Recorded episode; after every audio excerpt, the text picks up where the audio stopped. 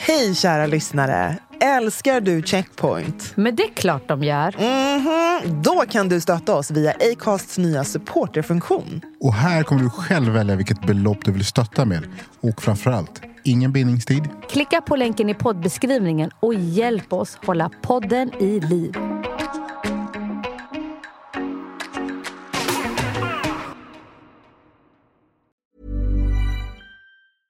Hiring for your small business? If you're not looking for professionals on LinkedIn, you're looking in the wrong place. That's like looking for your car keys in a fish tank. LinkedIn helps you hire professionals you can't find anywhere else, even those who aren't actively searching for a new job but might be open to the perfect role. In a given month, over 70% of LinkedIn users don't even visit other leading job sites. So start looking in the right place. With LinkedIn, you can hire professionals like a professional. Post your free job on linkedin.com slash people today. It's that time of the year. Your vacation is coming up. You can already hear the beach waves, feel the warm breeze, relax, and think about work. You really, really want it all to work out while you're away. Monday.com gives you and the team that peace of mind. When all work is on one platform and everyone's in sync, things just flow wherever you are. Tap the banner to go to Monday.com.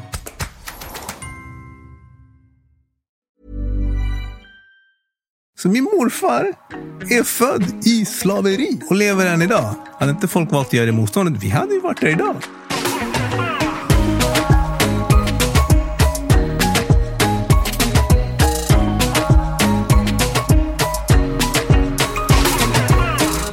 Välkomna till Checkpoint avsnitt 16! Vi har en otrolig gäst den här veckan. Välkommen hit Kitimba Sabuni! Yes!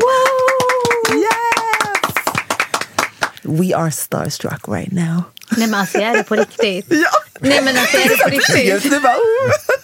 Jag har suttit i samma panel som dig flera år sedan. Jag tror inte du kommer ihåg mig. Fast jag kommer... Det här ska vi ta med. Ja, det är vi ta riktig med. fangirling här. Hundra procent. Ja, det är ju fantastiskt. Ordförande i Afrosvenskarnas riksorganisation. Du är föreläsare, organisationsutvecklare, förebild. What can you do? Varmt välkommen hit. Författare. Författare, nej men alltså det, Kan man kalla sig författare för att man har fått ut några handböcker? det tycker Ja, jag det tycker jag verkligen. Ja men schysst i så Även fall. det tycker jag rapporter. verkligen. Ja. Rapporter har väl du också författat? Jo, sånt skriver jag. Ja. Välkommen. Tackar, tackar. Hur känns det att vara här? Nej, jag önskar jag kunde förklara för andra hur det här är. För när man tänker sig att man sitter vid en podd, kanske runt ett bord, det är lite strikt och seriöst. Men här sitter vi i riktiga mysiga soffor, tillbakalutade. Jag släckt lamporna, det är Ja, det mysbelysning. saknas bara en vattenpipa i mitten eller någonting sånt där. Så föreställ er scenen. Det här är vad vi har. Så om, det vi, om, vi, om vi går bort oss lite så, så är det, man får kolla, komma ihåg miljön vi är i. Precis. Ja, vi gör mycket för att skapa det här safea spacet för de här viktiga samtalen. Men otroligt kul att ha dig här. Vill du, så vem är du? Vem är Kitimba? Wow, när man får frågan sådär. Jag är far. Jag är äkta make. Jag är bror eh, och en brorsa. Eh, ni vet ju skillnaden kanske. Och jag tror att för många som känner till mig så är jag en person som är engagerad i frågor som rör rasism i Sverige. Verkligen. Jag tror att jag talar inte för mig själv när jag säger att du är definitivt en av mina största förebilder i arbetet med antirasism och mångfald och inkludering. Ja. Det är du definitivt. Jag, Du- an, anledningen till att jag sitter här överhuvudtaget, Kitty, det är på grund av dig. Nej, men alltså, jag det här jag är ju- driver inte. Ja. Det här är på riktigt. Jag tror att jag satt hemma och, och eh, för allra första gången tittade på ett, jag tror att det var en TV4 tror jag. Och det skulle diskuteras lite grann kring Tintin och vara eller icke vara. Och det, ja, hela den där debatten som det var då. Och där väcktes en tanke bara att shit, det där är en otrolig människa som står där och låter sig inte bli bortfintad av de här frågor eller mm. diskussioner som man... Ja men det var bara så här, wow. Det där, sen dess har jag känt bara, jag måste lära mig om den här människan. Vart är han? Googla, gick på dina föreläsningar. Åh. Sökte, sökte mig till eh, af, dåvarande Afrosvenskans riksförbund. Fick möjlighet att komma in i styrelsen. Fick, alltså jag har stakat dig, bara så du vet. Nej, men nu, nu, the moment. Nu, ja, men det här är... Det här är I det här stängda men, rummet. Men, Brandon, det här är, ja, det är ju ett sätt att, att måla upp det. Det här är en vän till mig som, som sitter här, Brandon. Så det ska man veta. Och vi, vi jobbar eh, ihop faktiskt. Eh, men det du sa där, om, om det är någonting jag håller på med så, så är det väl ändå precis det. Jag försöker vara en svart person som är kompromisslös kring eh, våra rättigheter, vår mänsklighet, vår värdighet. Och i en kontext som den vi lever, som präglas av vit överhöghet och där det är så normaliserat, så kan det ibland uppfattas som att man är stridbar till och med. Liksom. Och en sak till, också på tal om det som ni båda säger, du här Nicole, du är Brandon. Att när man möter människor som man ser kan sin grej, duktiga, ni, ni poddar om de här frågorna återkommande och ni ligger rätt. Liksom. Det är lätt att gå fel, det är lätt att försöka vara tillmötesgående mot eh, olika, vad det nu kan Ja, vara. fattar. alltså när man gör det vi gör, tror jag att man alltid kommer tilltala en minoritet mer än en majoritet. Så det är inte alltid man känner den där kärleken, för man är ute i den här större, Precis. vad kallar det, den vita världen. Och det finns vita som också hajar det här, men som grupp så är det inte deras intressen vi företräder när vi strävar för rättvisa för oss. Och det kan bli lätt att många där ser det som, ah, vad håller de på med? Och det är det man hör mycket. Så när man sitter så här i ett, i ett safe space med er och, och, och, och vi ger varandra den här kärleken, det, det, det väger. Och det, det är det som gör att det väger över om man pallar. Men det, det vet ju ni, ni pratar ju mycket om det här i podden. Jag, jag följer er och Bara en sån här. sak, Nicole. Ja? Nej, jag blir helt Ja, jag gråta. Jag blir nyfiken på hur eh, din resa började när det kommer till just att du kände att men nu vill jag faktiskt ägna hela mitt, min tid åt att adressera de här olika frågorna. Ja, det där är en riktigt bra fråga. Ibland brukar jag säga så här. Brandon, han bor i Kungsängen. Tack, Det- tack för den. Nu, ja, ja, jag har hängt Kommer vi hem till Brandon? Ja, jag bor i... Vi grillar. jag, jag, är uppväxt i Kungsängen. Nord, nord, nordväst om Stockholm. Nordväst om De enda svarta som har bott i Kungsängen. Ja, men det, alltså, det är vi två. Nej, men I alla fall på den, på den, på den tiden när det begav sig. Alltså, så, jag, jag tycker alltid att jag, så länge jag kan minnas, har jag varit en betraktare av vithet. Alltså, jag har förstått att det är någon grej, det här med vithet och svarthet. Alltså i relationen, i mötet. Att det var någon grej. Eh, Det var någon grej för vita också. Alltså, det var inte en, det var inte nödvändigtvis någon dålig grej, Nej. utan det fanns fascination. Det fanns det här lite eh, glädjen över sig själv. Titta vad vi har gjort. Titta på, de här, titta på det här svarta barnet som har kommit Just det. hit och nu går den i skolan och nu pratar den svenska och den är alldeles civiliserad. Det här är härligt, vad roligt! Eller alltid någonting. Eh, Exotisering, alla möjliga grejer som händer. Det där, så länge jag kan minnas, och jag har bott i det här landet sedan jag var fyra år knappt, så, så, så har det där, att det har funnits någon sån grej. Liksom. Eh, och jag menar, Du Bois pratar ju om det här, det dubbla medvetandet. Vad sa du att han hette? W.B. Du Bois, en amerikansk sociolog som skrev en bok som heter The Souls of, uh, of Black Folks. Alltså det, hur, hur man tänker kring sig själv eh, och hur man kommer att se sig själv genom vita människors ögon. Ja. Och, och genom den måttstocken så blir man förstås, det är ju en annans måttstock. Du kan ju Ja. aldrig vara lika Exakt. mycket någon annan som de är. Och Du Exakt. kommer att, eh, och, och, och det där, den här vita blicken och den egna insikten om sig själv Ja. och såna grejer. De här grejerna har jag alltid tänkt kring. Inte nödvändigtvis på ett sätt som gör det att man blir liksom nedstämd och deprimerad, men det är någonting i det där. Ja, okej? det, mm. Och sen eh, var det i vårt skolbibliotek. När jag gick på gymnasiet, jag hade ju tänkt kring de här grejerna. När jag gick i högstadiet kom den här filmen Malcolm X. Man gick och såg den man bara, den där mannen, han är inne på någonting. Ja. Sen när jag gick i, i, i gymnasiet där i ettan så hade vi en bok i biblioteket. Frans Fanon, svart hud, vita masker. Jag bara såg pärmen, en svart man på pärmen. Jag började låna den här boken. Läste den och så tänkte jag, vet du vad? Precis som när ni gör er podden, ni sätter ord på ens verklighet. Han Han satte kunde ord, sätta ord. på någonting. 16 bast, men allt sjönk in. Jag bara, det här, det här behöver snackas om. Han, han, han var ju psykiatriker, eh, Fanon. Så han analyserade psyket hos koloniserade varelser. Ja. Sig själv och så vidare. Så när vi pratar minoritetsstress idag, han pratade det då. Han var i Algeriet under franska, alltså den franska kolonialregimen. De eh, hur man säger, rekryterade honom. Han kommer från en ö som heter Martinique som var en del av Frankrike. Eh, kolonialvälde. Skicka honom eh, som någon slags funktionär till Algeriet då under algeriska frihetskriget. Han flippar, vänder över till eh, frihetskämparnas sida. Och så skriver han de här böckerna du vet, eh, och beskriver hur människor kommer in på psyket i Algeriet och har smärtor i kroppen och grejer. Och beter sig helt du vet, på alla möjliga sätt.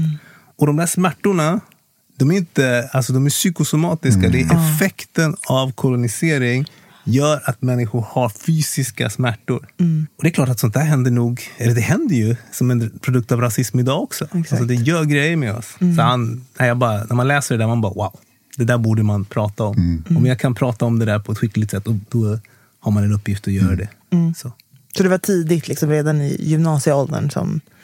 Ja, men precis. Jag ska säga så här. Alltså, det är klart, det är, inte möj- det är möjligt att, att många som kände mig då inte omedelbart associerar mig med sånt. Man var ju ändå 16 bast. Liksom. alltså, så det fanns ju annat att tänka på också. Och annat man gjorde också. Du växte ändå upp i, också i Kungsängen som kanske är mer påtagligt där just i Kungsängen än någon annanstans. Att känna, och shit, folk tittar på oss och beter sig helt annorlunda. Ja, men jag tänker så här, Järva, där kanske inte mycket. Man känner igen, ja men det är... Men alltså, jag, jag levde nära in på vithet. Ja. Eh, jag hade vita vänner, jag hade vita vuxna omkring mig. Det var verkligen en vi, vit grej. Liksom. Och sen när man blir äldre, börjar på högstadiet först, då liksom, det finns ju en bok, Why are all the black kids sitting together in the cafeteria? Man börjar gravitera mot Exakt. andra eh, icke-vita. Och sen gymnasiet, då är det ju totalt chap, chap, chap, uppdelat. Och då kommer jag ändå från en värld eh, där eh, som bestod ändå av många vita personer. Och de vita vännerna man hade med sig fortsatte. Det var ju ändå folk som på något sätt klev in i vår värld. Mer än att man Ah, okej. eh, klev in i deras värld. Så jag har varit i deras värld och sen kommer de in i, i, i, vår värld. Någon mening. Eh, Och du vet, vi har stora hjärtan, välkommen. Men du måste komma korrekt sådär. Liksom. Eh, men, nej, men Malcolm X, inte för att säga att man, Ma- Malcolm X brukar också prata om att han växte upp bland vita människor. Eh, väldigt nära inpå. Och, och jag tror att det ger en ändå en blick eh, och en, en känsla för vad... Ja, men det där är jätteintressant. Alltså, verkligen, för att det har vi också pratat om. Jag är ju mixad, så jag har ju liksom halva mig, halva jag är vit. Och just att jag har också vit släkt och liksom den, men hur man ändå, precis som du beskriver, kan se andra och sig själv ur de vita glasögonen. Hur man kan pendla mellan att spontant se på någonting eh, stereotypiskt. Eller liksom applicera en fördom på det första man gör och sen så bara, nej men vänta nu. Nej, hur man hur jag i alla fall aktivt måste öva på det. Fortfarande i vuxen ålder. Öva på att inte tro på de här stereotyperna som har blivit så inmatade i oss.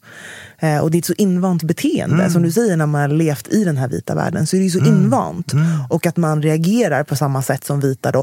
Titta, han har dreadlocks! Eh, när man ser någon gå med så här, för du, om en hel grupp blir inom citationstecken rädda, ska du vara den enda som inte blir rädd. Alltså, Man lär ju sig att reagera likadant. också tror jag, när man har den här närheten så förstår man också hur rasism fungerar ehm, som en slags strukturerande mekanism och som en slags sunt förnuft. Alltså rasistisk ideologi. Ja. Vi tror lätt att rasism är människor som hatar och vill dig ont och gör en massa grejer. Ja. Och att leva på det sättet för vita människor det skulle vara otroligt ansträngande. Och rasism är, är, är mer finurligt än så till och med. det. För rasism kommer helt utan ansträngning. Eh, Det är en del av ett sunt förnuft. Eh, Ett sätt att se på världen som gör det liksom rimligt och, och allting. Och sen utövar man sin vita överhöghet. Ofta ganska ovetande om det. Ja. Och att kunna se det här, liksom, att kunna se att människor som är i grund och botten egentligen schyssta människor samtidigt är, har vit överhöghet så ingrodd i sig. Det är intressant. Eh, och det, det säger någonting också om hur man ska adressera och, och hantera rasism. Eh, om det vore så enkelt som att det är verkligen hatiska människor med ondskefulla planer, det vore enkelt att hantera. Eller hur? Om alla var liksom Ja. NMR-are som springer runt Ja, med pålar, då hade enkelt. vårt liv varit jätteenkelt. Enkelt. Man tar en egen påle Ja. och sen så gör vi slut på det här. Men det här är annorlunda. Ja, det är inte Så- de som ja. är det största hotet Nej. överhuvudtaget. Så det kan bli att du poängterar rasism i en vardaglig Ja. situation och personen bara, åh gud, du har förstört mitt liv. Jag Ja. blir så ledsen, du har gjort det här mot mig och hittat dit och dit och dit. Och det var den mest uppenbara formen av rasism du bara säger, hej, tona ner det där. Mm. Men det här som vi kallar vit skörhet, white fragility och allt Mm. det där kommer från någonstans också. Så här. Men det är inte så konstigt heller. Det här är ett system som har byggts upp under 500 år och blivit mer och mer sofistikerat. Jag har hört ett skönt ord det är ju eh, bidragsentreprenörer. Har ni hört den? Bidragsentreprenörer. Det var nice. Det är- det är ett kreativt så- ord, så- alltså. så- Verkligen. Så till exempel Afrosvenskarnas riksorganisation är ju en organisation. Va? Mm. Eh, och eh, i Sverige är det mycket så att civilsamhället är uppbyggt kring offentliga medel som man kan söka för olika projekt och liknande. Mm. Sen när svarta människor gör sånt här precis som alla andra gör, då hittar man på nya ord som bidragsentreprenör. Ja, det är klart, att man, alltså de är ändå skickliga men om man skapar såna här ord, bara ordet i sig är så här, "Ah." Annars är ju entreprenör det bästa som finns i Sverige. Då, men en bidragsentreprenör. Nu hittade vi ett Lägger du bidraget, då är, så här, då är det någonting vi måste jobba emot. Ja, precis. Och Ja, men- samtidigt finns det ju de här som tjänar riktiga pengar på offentliga medel. Exakt. Alltså, offentligt finansierad verksamhet där man håller på att privatisera och säljer ut allting så man kan bli rik på allt från skolor till eh, olika typer av uh, verksamheter. Allting är ju på upphandling nu. Det är ju riktiga bidragsentreprenörer om man så vill, men det blir aldrig den typen av diskussion om dem. För att det finns en skillnad i, i grupper av människor i Sverige och det är att eh, vita människor på något sätt är i sig själva förtjänta. Eh, De är entitled och människor som inte är vita är det inte. så eh, man, man, man får liksom olika sätt att se på saker. Ja. Det finns ju ett politiskt parti nu som har gått ut med en motion att man ska släcka alla bidrag till etniska organisationer specifikt. Eh, alla andra organisationer ska finnas, men inte etniska organisationer. På den tiden hette det att etniska organisationer bidrog till integrationen, så därför skulle vi ha bidrag. Nu heter det att vi förstör integrationen. Just det, så var det. Eh, Och det här är samtidigt som andra bidragsentreprenörer kan köra hårt. Liksom. Mer samma typer av partier. Mm. Men man gör den här distinktionen. Och den tycker jag är väldigt intressant. Just eh, man pratar om hur svensk rasism är eh, ska man säga, förmedlad och organiserad kring vilka sätt att prata och tänka och se på människor legitimerar olika typer av behandling och vem som har rätt till någonting och är entitled och vem som inte är det. Där tycker jag det är väldigt fascinerande för människor som bebor våra kroppar. Vi blir aldrig de där svenskarna som med självklarhet kan ta del av om det är välfärdssamhället. Och tillföra något. eller- eh, saker eller, eller olika opportunities som finns i det här samhället. Nej, nej, nej inte på samma villkor alls. Jag tycker det sätter huvudet på spiken och också när man verkligen får höra många av de här större organisationerna, alltifrån liksom Sida, Amnesty, you name it. Eh, Man får höra då, känner vissa som jobbar eh, inom sådana organisationer, att jo, men det finns ju lite liksom leg workers där det är lite mixat. Men de som är högst upp, de som verkligen tjänar pengar. Ja. De som alltså, verkligen benefit från den här välgörenheten, det är bara vita. Mm.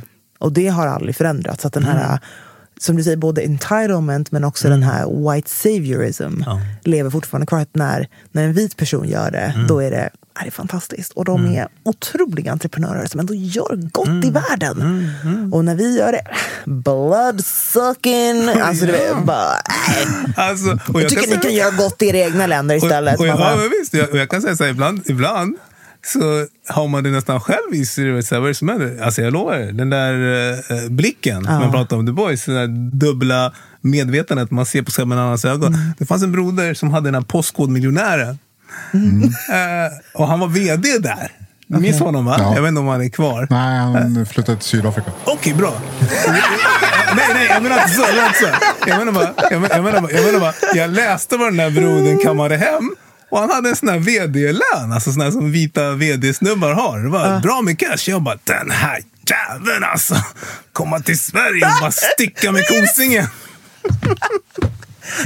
Han, tar för sig alltså. Ja, oblyg alltså. Förstår du vad jag menar? Ja, nej, men ärligt talat, jag, jag Mm. kunde inte ändå eh, eh, låta bli att sätta det i kontexten mot hans hudfärg. Alltså. Ah. Att, att wow, för jag menar, det är så här, jag vill inte vara någon slags vänster eller höger, whatever, men eh, folk som jobbar i de här vd-positionerna, deras löner har stigit många, många gånger, gånger om eh, de senaste 40 åren så där ungefär, jämfört med andra människors löner. Och vi har typ applåderat det här liksom, i samhället som att det, är- de, de jobbar så mycket hårdare än alla andra. Jag vet inte hur många gånger mer de tjänar än arbete. Men, eh, och sen om man ser en broder köra där i leken, jag bara wow, oblygt alltså. Extra oblygt, jag vet inte varför. Mamma berättade för mig en berättelse som morfar berättade för... Ingen berättelse, han berättade om sig själv. Morfar berättade för henne. Alltså, belgarna i Kongo, där jag är född. Min farfar han är riktigt gammal. Han är snart hundra år. Alltså. Min morfar, förlåt. När han Och var- lever än idag? Ja, lever än idag. Oh, starkt. Och har berättelser. Starkt. När han var liten, hans mamma, för kolonialism var slaveri. Alltså. Man hade sagt slaveri var dåligt, men man hade slaveri i kolonien. Hans mamma drogs ut till fälten. De hade bomullsfält och grejer, här belgarna där. Och grejer. Allt möjligt. Och jobbade i de här fälten med att plocka under överinseende av såna här vita män med shorts och tropikhjälm. Eh, som liksom fysiskt eh, misshandlade honom om inte arbetade.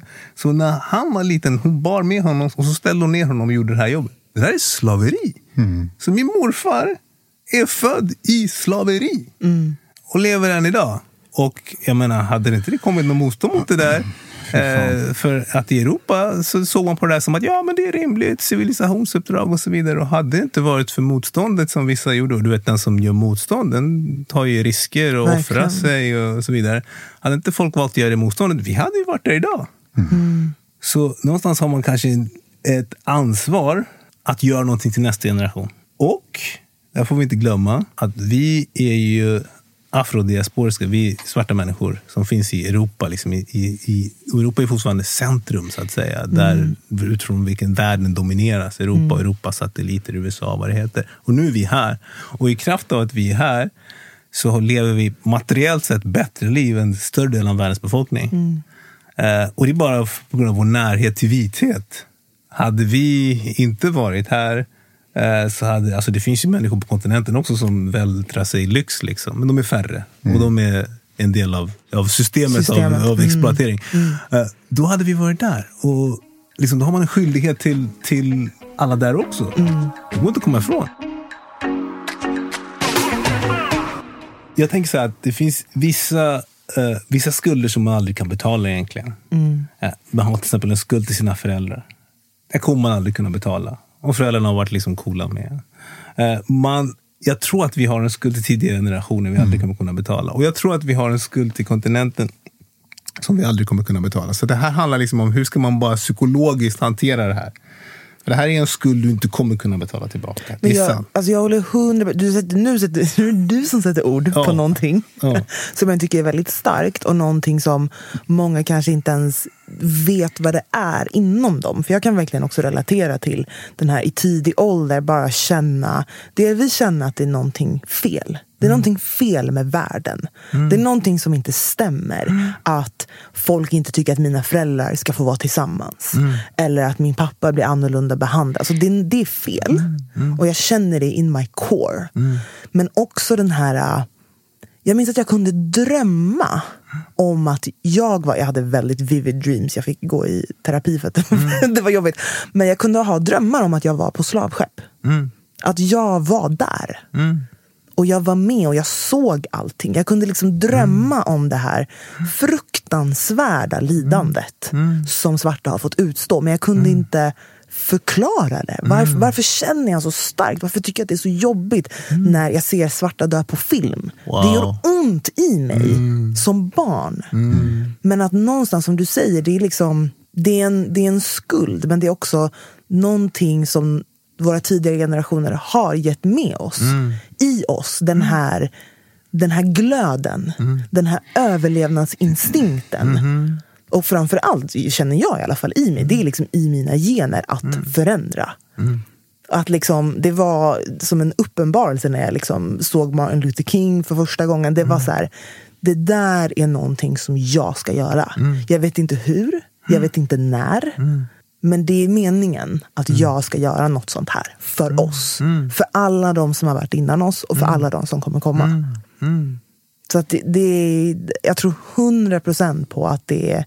Men där, men där säger du det är det, intressant. Det, det, det, det, det, det, fanns någon som sa en gång i FNs generalförsamling, jag vet inte vem, men det var i samband med avkoloniseringen, att eh, frigörelseprocessen är oemotståndlig. Alltså man kan samtidigt inte låta bli att göra det här. Att, om vi kallar det betala tillbaka skulder. Man kan inte låta bli. Alltså, ni kunde ju chilla i era branscher, ni kan era grejer. Ni kunde bara springa runt där, eh, mingla. Ni kan mingla, ni, ni vet hur man gör det här. Nätverka. Ja, men ni kan inte låta bli ändå och, och föra den svarta saken framåt. Men jag har en fråga som kanske är lite ja, men så här, tuff. Jag tycker du har berättat otroligt starkt både om liksom vad som driver dig och varför du fortsätter att göra det här. Men med det här arbetet tycker jag som faktiskt inte alls pratas om eller som många är väldigt naiva för. Det är just lite som du också sa, Alltså riskerna vi tar. Vad är det vi, vad kan det få för konsekvenser av att vi gör det här arbetet?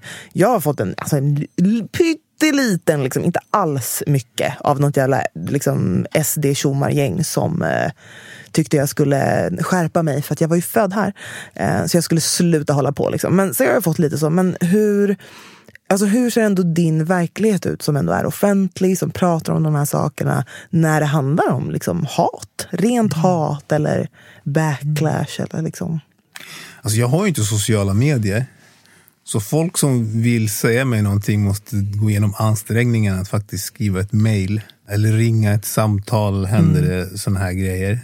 Så det, det är folk som är ganska fast beslutna att, att få någonting sagt. Eh, och den typen av grejer som jag tycker jag får framförallt, det är folk som... Många, om man får kalla dem så här, rasistiskt inklinerade människor. Och då menar jag sådana som är rasistiskt inklinerade så de är beredda att jobba aktivt på det och göra en aktiv handling. Inte bara ta fördelen Just av det. och, sådär och förklara bort det. Utan verkligen så här, nu ska jag säga till den här svarta mannen. ska jag vara rasse här, ja. Nu ska det komma ut något. Alltså de, de kontaktar en och vill vara så här smarta. Alltså Mm. de vill komma med så smarta argument du vet, som de har läst på någon annan sajt eller någonting. Mm. Som bara, Hör du, jag tycker ju egentligen om man räknar så här att många afrikaner de kommer ju hit. Va? Och, eh, en del jobbar, men många jobbar ju inte. Och då tänker man att i Afrika, om de hade jobbat så här många timmar, så, man, då borde det inte vara bättre. Så här långa, så här skumma, invecklade resonemang. Och så vill de att man ska liksom eh, ha diskussioner och samtal med dem. Så Där de liksom ska knäcka med sin... Jag tycker det är mest såna där grejer som jag möter. Eh, eller så är det förstås de här, och nu bara föreställer jag mig, det här kanske är bara en, vill, en, en onödig föreställning. Lite äldre uh, farbröder som skriver såna här grejer. Så här, det, Åk hem! jag skulle åka hem. Åk hem! Vi har i Sverige gjort det här och det här sedan 1960-talet. har vi gjort väldigt bra. Och nu så vill du åk hem. Man bara, wow. Eh, och det är liksom mindre resonemang, mer bara så här direkt. Det, det är väl långt från mig. Men jag ska vara ärlig och säga, jag, jag inte så mycket sånt där alltså, i min värld. Och jag, jag, jag tror också att mycket av sånt där är också Eh, det är väldigt könat. Jag tror att det är speciellt också liksom, förhållningssätt till kvinnor och mycket sånt där skeva grejer. Eh, men jag tycker mest det har att göra med så här som vill vara smartare. Liksom, Och vara rassar samtidigt. Men Det är väl en, ett litet kvitto på att de måste ändå slipa på sina argument innan de tar kontakt med dig. De vet att du, Väldigt vem som helst som liksom. de kan ringa till. Ah, nu Exakt. måste jag läsa på här och komma på en jäkla bra grej. Som Ja, men, men det är intressant det du säger. Alltså, för jag, jag, jag tycker ändå att det är mycket sånt där. Alltså. Ja. Och jag försöker alltid eh, tänka när jag är med i något offentligt och säga saker som är genomtänkta, som man alltid kan stå för, så man inte blir en sån här som måste backa och hitta och ditan. Och då finns det alltid någon som sitter i soffan hemma och tänker Jäklar, det där var... Nej, vänta lite. Och sen har man tänkt lite och sen börjar, börjar man skriva. Men också det här att, eh, att, att jag vet någonstans hur sådana här saker triggar människor. Det är synd. Det är verkligen synd Ja. hur rasism fungerar hos människor. Som, jag tror till exempel att vi som inte är vita, vi får vara här eh, på villkor att vi inte gör något väsen av oss eller ställer några som helst krav eller någonting åt det hållet. Det, det är någonting som folk först, Då tolererar man Ja, så det här åk hem, det är bara när du har gjort någonting som man lackar på. Liksom. Exakt. Annars är det okej. Det finns ju, jag, såg, jag såg en, en, jag vet inte om man nämner namnet, jag ser bara en, någon riksdagspolitiker eh, som var på ett tv-program häromdagen och där de pratar om invandring. Det här är en brun man som gillar att liksom kasta, det finns någon sån här självgrej han har, jag vet inte. Så han bara, ja men du vet vi i Sverige har ju satsat på utbildning och invandrarna är outbildade. Varför ska vi ta emot dem och så att de kostar oss pengar? Jag bara lyssnar på den här Lena och bara säger, vi? Vi? Vilka är vi? En anledning till att han kan kalla sig vi och, och hans liksom followers gillar honom då och säger ja, vi, vi, vi. Det är för att han säger de här rasistiska sakerna åt dem. Men om han hade börjat säga så här, nej, jag tänker du vet, mer som vi snackar, då hade han inte varit något vi med dem. Det finns inget vi i det där. Så att det finns något villkorat Ja. i, i, i vår existens. Och det är det som är grejen. Om, Så jäkla sant. Och också, förra veckan pratade vi om eh, den här dokumentärserien Amend. Eh, som då just pratar om liksom, ja, men, rättigheter och medborgarskap. Vad innebär det? Vad är liksom rätt, rättighet och vad är ett privilegium? Och just det där att liksom, som personer som rasifieras så har vi rättigheter, villkorliga rättigheter, precis som du beskriver. Men vi kommer aldrig att få samma privilegier som vita. Utan det är så här, var, en, var en, en snäll liten eh, hus, you know. Eh, men så fort det betyder illa, Ja. då drar vi bort alltihopa. Ja, ja. Bort med mattan, ra, direkt flyg tillbaka. Så att, verkligen den, att det är liksom villkorligt på något sätt. Alltså, mycket av den moderna rasismen bygger ju på diskurser som handlar om ni har ingen rätt att vara, ni ska åka hem. Notera också att när Europa koloniserade hela världen, då tyckte man att man hade rättigheten att gå överallt och vara överallt och Precis. bosätta sig till och med och kolonisera. Ja. Och nu när man har hittat ett nytt sätt att suga ut resurser så att de kommer hit, då sätter man istället upp en gräns, ni får inte komma hit. Ja. Eh, Men den där gränsen, som till exempel, det är ingen som tror på allvar att man i södra USA vill att alla mexikaner ska flytta därifrån.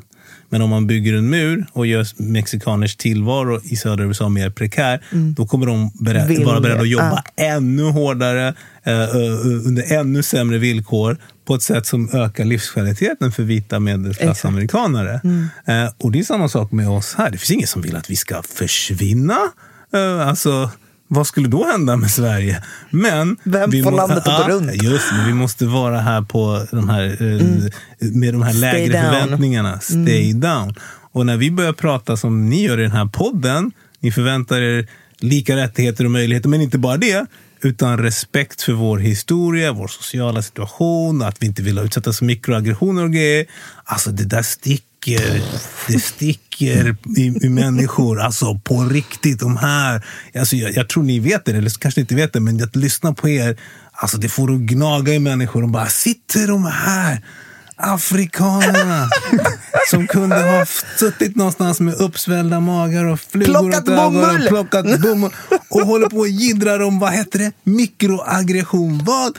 Jag blir... Nu får det vara nog. Alltså, förstår du? Det, det, det, det, det, det, det, bara... jag fick faktiskt en intressant kommentar just om begreppet mikroaggression som ingen i det här rummet har hittat på, utan det är ju ett begrepp.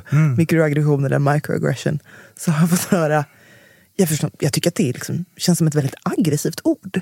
Oh, wow. Varför heter det aggression? Varför är det, jag, det tycker jag liksom känns väldigt aggressivt. För det är inte som att man har slagit någon. Liksom. Nej men alltså, ja ni förstår. Så att, det, det är sådana grejer. Så att, jag tror, eftersom jag, jag var en gång på tv i somras och diskussionen handlade om statyer. Ja, just det. Eh, Notera att diskussionen blir endast gångbara i Sverige när de har startat i andra delar av I andra- världen. ja. Eh, I USA pratar man om att ta ner statyer på eh, monument över rasistiska eh, generaler som kämpade på sydstaternas sida för att Precis. bevara slaveriet och liknande. vet. Och sen var då, ville man göra ett inslag i Sverige om statyer. Och eh, då eh, blev jag intervjuad från, i egenskap av ordförande för Afrosvenska riks- riksorganisation under statyn av Gustav III. Och Gustav III var ju personen som han förvärvade den här ön Saint Barthélemy 1784 för att Sverige skulle bedriva handel med, med kidnappade afrikaner där som var Ja. förslavade. Eh, och så frågade de mig, vad tycker du om den här statyn? Och jag sa så här, vet du vad? Jag tror att vita människor och människor som inte är vita, vi har olika positionaliteter så vi ser på olika fenomen på olika sätt. Så kanske för vita människor fungerar den här statyn över Gustav III som dessutom hyllar honom på olika sätt. där. De kallar honom fredens bevarare och rättvisans återställare och här Wow. grejer. För dem, det är någon slags nationalsymbol. De känner sig upplyftade i positivt. Låt kungen stå där.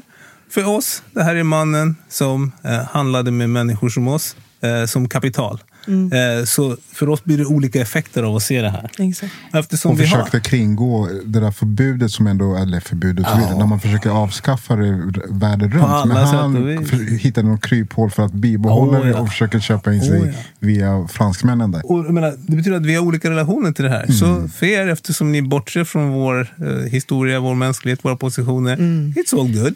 Eh, och för oss, vi ser den här historien. Och därför borde vi i en demokrati ha en konversation om det här. Ja. Eh, för att se vad vi kan komma fram till tillsammans, vad som är bäst sätt att hantera det här. Men jag måste fråga er, nu när jag är här, om, om liksom, ni pratar ju om den, den svarta erfarenheten, den racialiserade erfarenheten. Hur tycker ni att det tas emot av omkring er? Jag menar, vi är många som älskar er, men, men får, får ni annan typ av reaktion? Varför pratar ni om sådana frågor? Hör det hit? Är det någonting som Alltså, importerar ni amerikanska problem? Ja, den har vi ju hört ett par gånger. Importera problem hit som inte Ja. riktigt finns egentligen. De har vi hört ett par gånger. Sen tänker jag också att det beror på vilken bransch är det som man... Alltså jag tänker min, den här branschen inom kommunikation och media och så här, kan jag känna att vissa av de här frågorna, där jag kom i alla fall i kontakt med 2014, då var så här, jag tyckte inte att det var så många som ville prata om det. det så här, vad menar du? Vad fan? Nej, så, så jobbar vi inte vi här. Eller vi exkluderar ingen. Vi har inga problem med det. Och, så där. och sen beror det på vi- vilka som också svarar på de här frågorna. Pratar med, med lite yngre målgrupper. De är ju lite mer så här.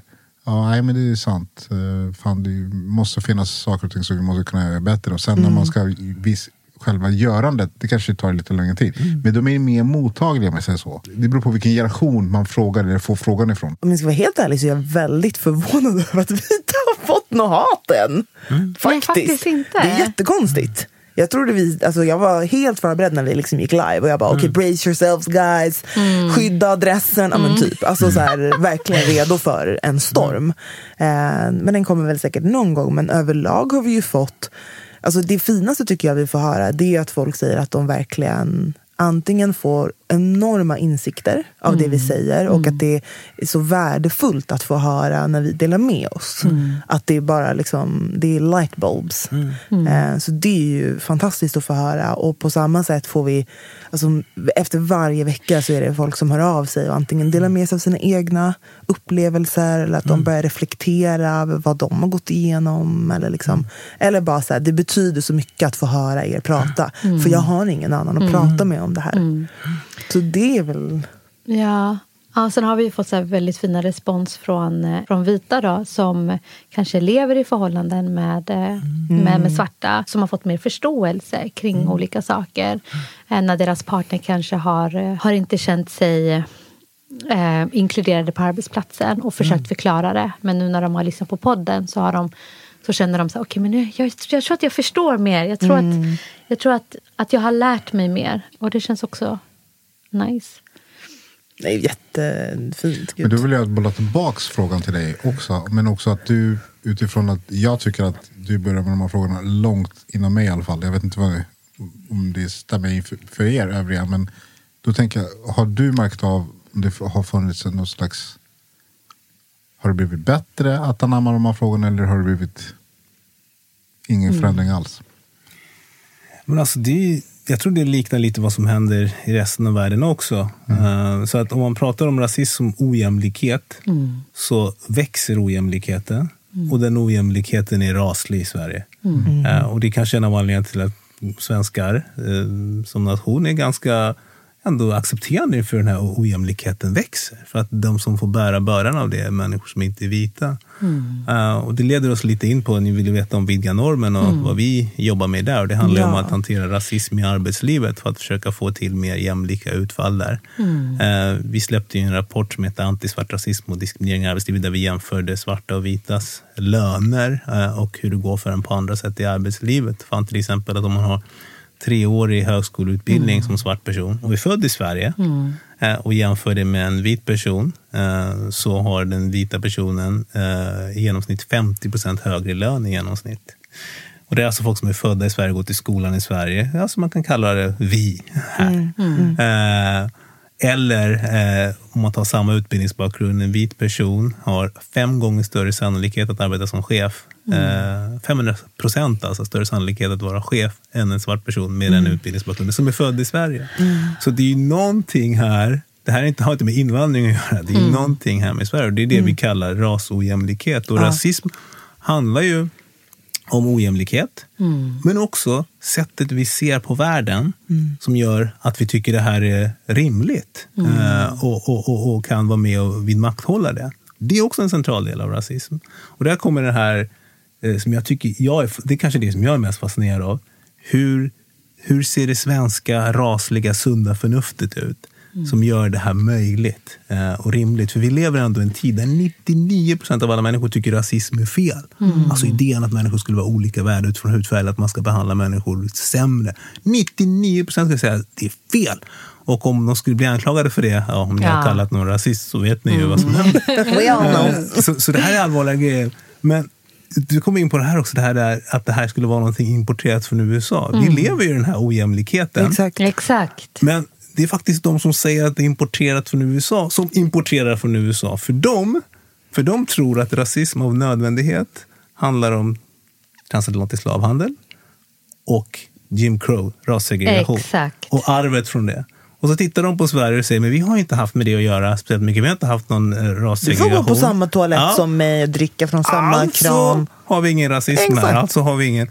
Och det, är- alltså det är ett logiskt felslut, för du har importerat eh, ett sätt som rasism har reproducerat sig i någon annan del av världen. Men, alltså kom igen, rasism är ett globalt fenomen. För var en europeer har planterat sig med rasifierade människor, Australien, Algeriet, Afrika, Sydafrika, eh, Latinamerika, så har samma sak hänt. Ja. Yes. Så de här människorna importerar och kallar oss importörer. Så det här är som är fascinerande hur man liksom med hjälp av diskursen och makten över samtalet förvirrar till och med oss själva att ibland säga Åh, är det här en amerikansk grej? Ja. Gitimbe, det skulle vara väldigt härligt att få höra. Så om du hade makten, vad skulle du förändra eller vilja se? Alltså, jag, jag kan ju bara tänka hur vi ska komma till rätta med vår situation och rasismen. Och en sak som jag efterlyser det är att vi börjar använda andra kategorier. Så när vi pratar om verkligheten så gör vi det med kategorier som eh, får oss att förstå verkligheten. Så vi skrotar här invandrare, utrikesfödd och så vidare. För det lämnar oss med total förvirring. Visste ni att sannolikheten att dö i covid-19 är 16 gånger högre om man är född i Somalia än om man är född i Sverige? 16 gånger högre.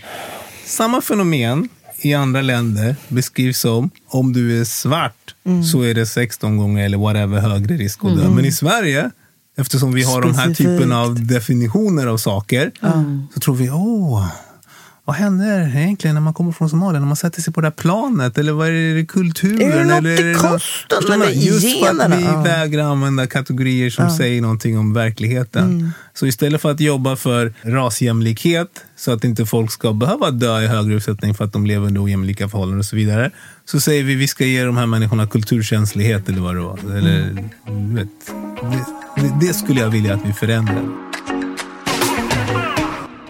Om du fick lämna en check yourself, till vem och vad?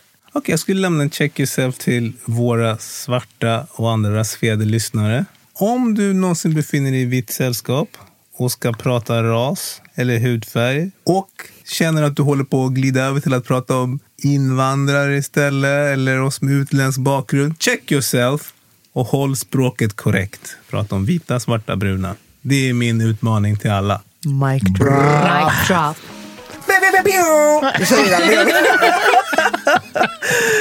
Nej, det där var en otrolig check yourself. Tusen tack Kitimba. Det har varit en ära att få ha det här samtalet med dig. Verkligen. Äran är helt min. Checkpoint! Med mig, Brandon och... Your girl Anbara. Och Nicole. Syns, hej då!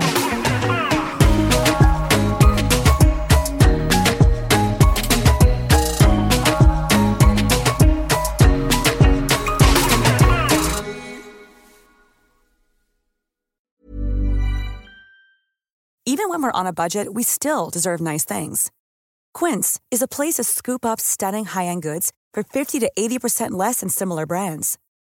They have buttery soft cashmere sweaters starting at $50, luxurious Italian leather bags, and so much more.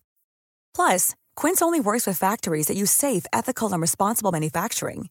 Get the high-end goods you'll love without the high price tag with Quince. Go to quince.com/style for free shipping and 365-day returns.